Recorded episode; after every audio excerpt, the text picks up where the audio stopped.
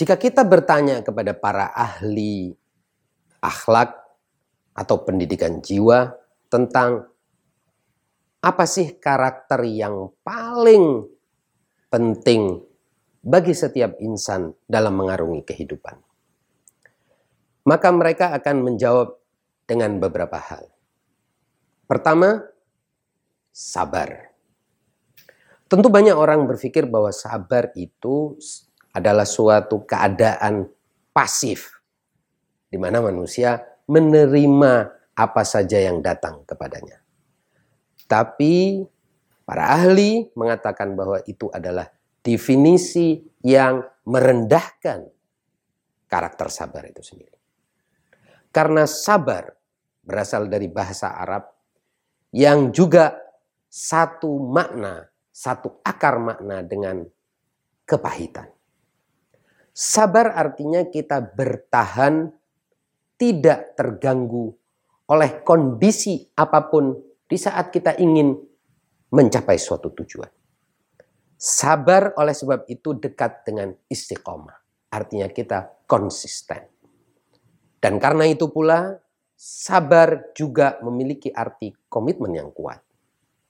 Orang sabar adalah orang yang tidak goyang dalam sebuah guncangan. Orang sabar adalah orang yang tidak terjungkir balik dalam sebuah krisis.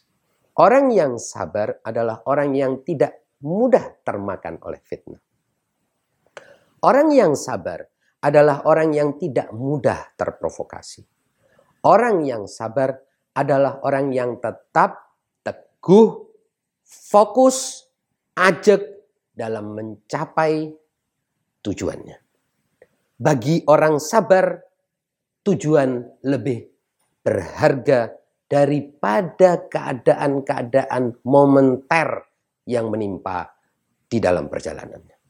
Bagi orang yang sabar, tujuan adalah tarikan yang paling kuat.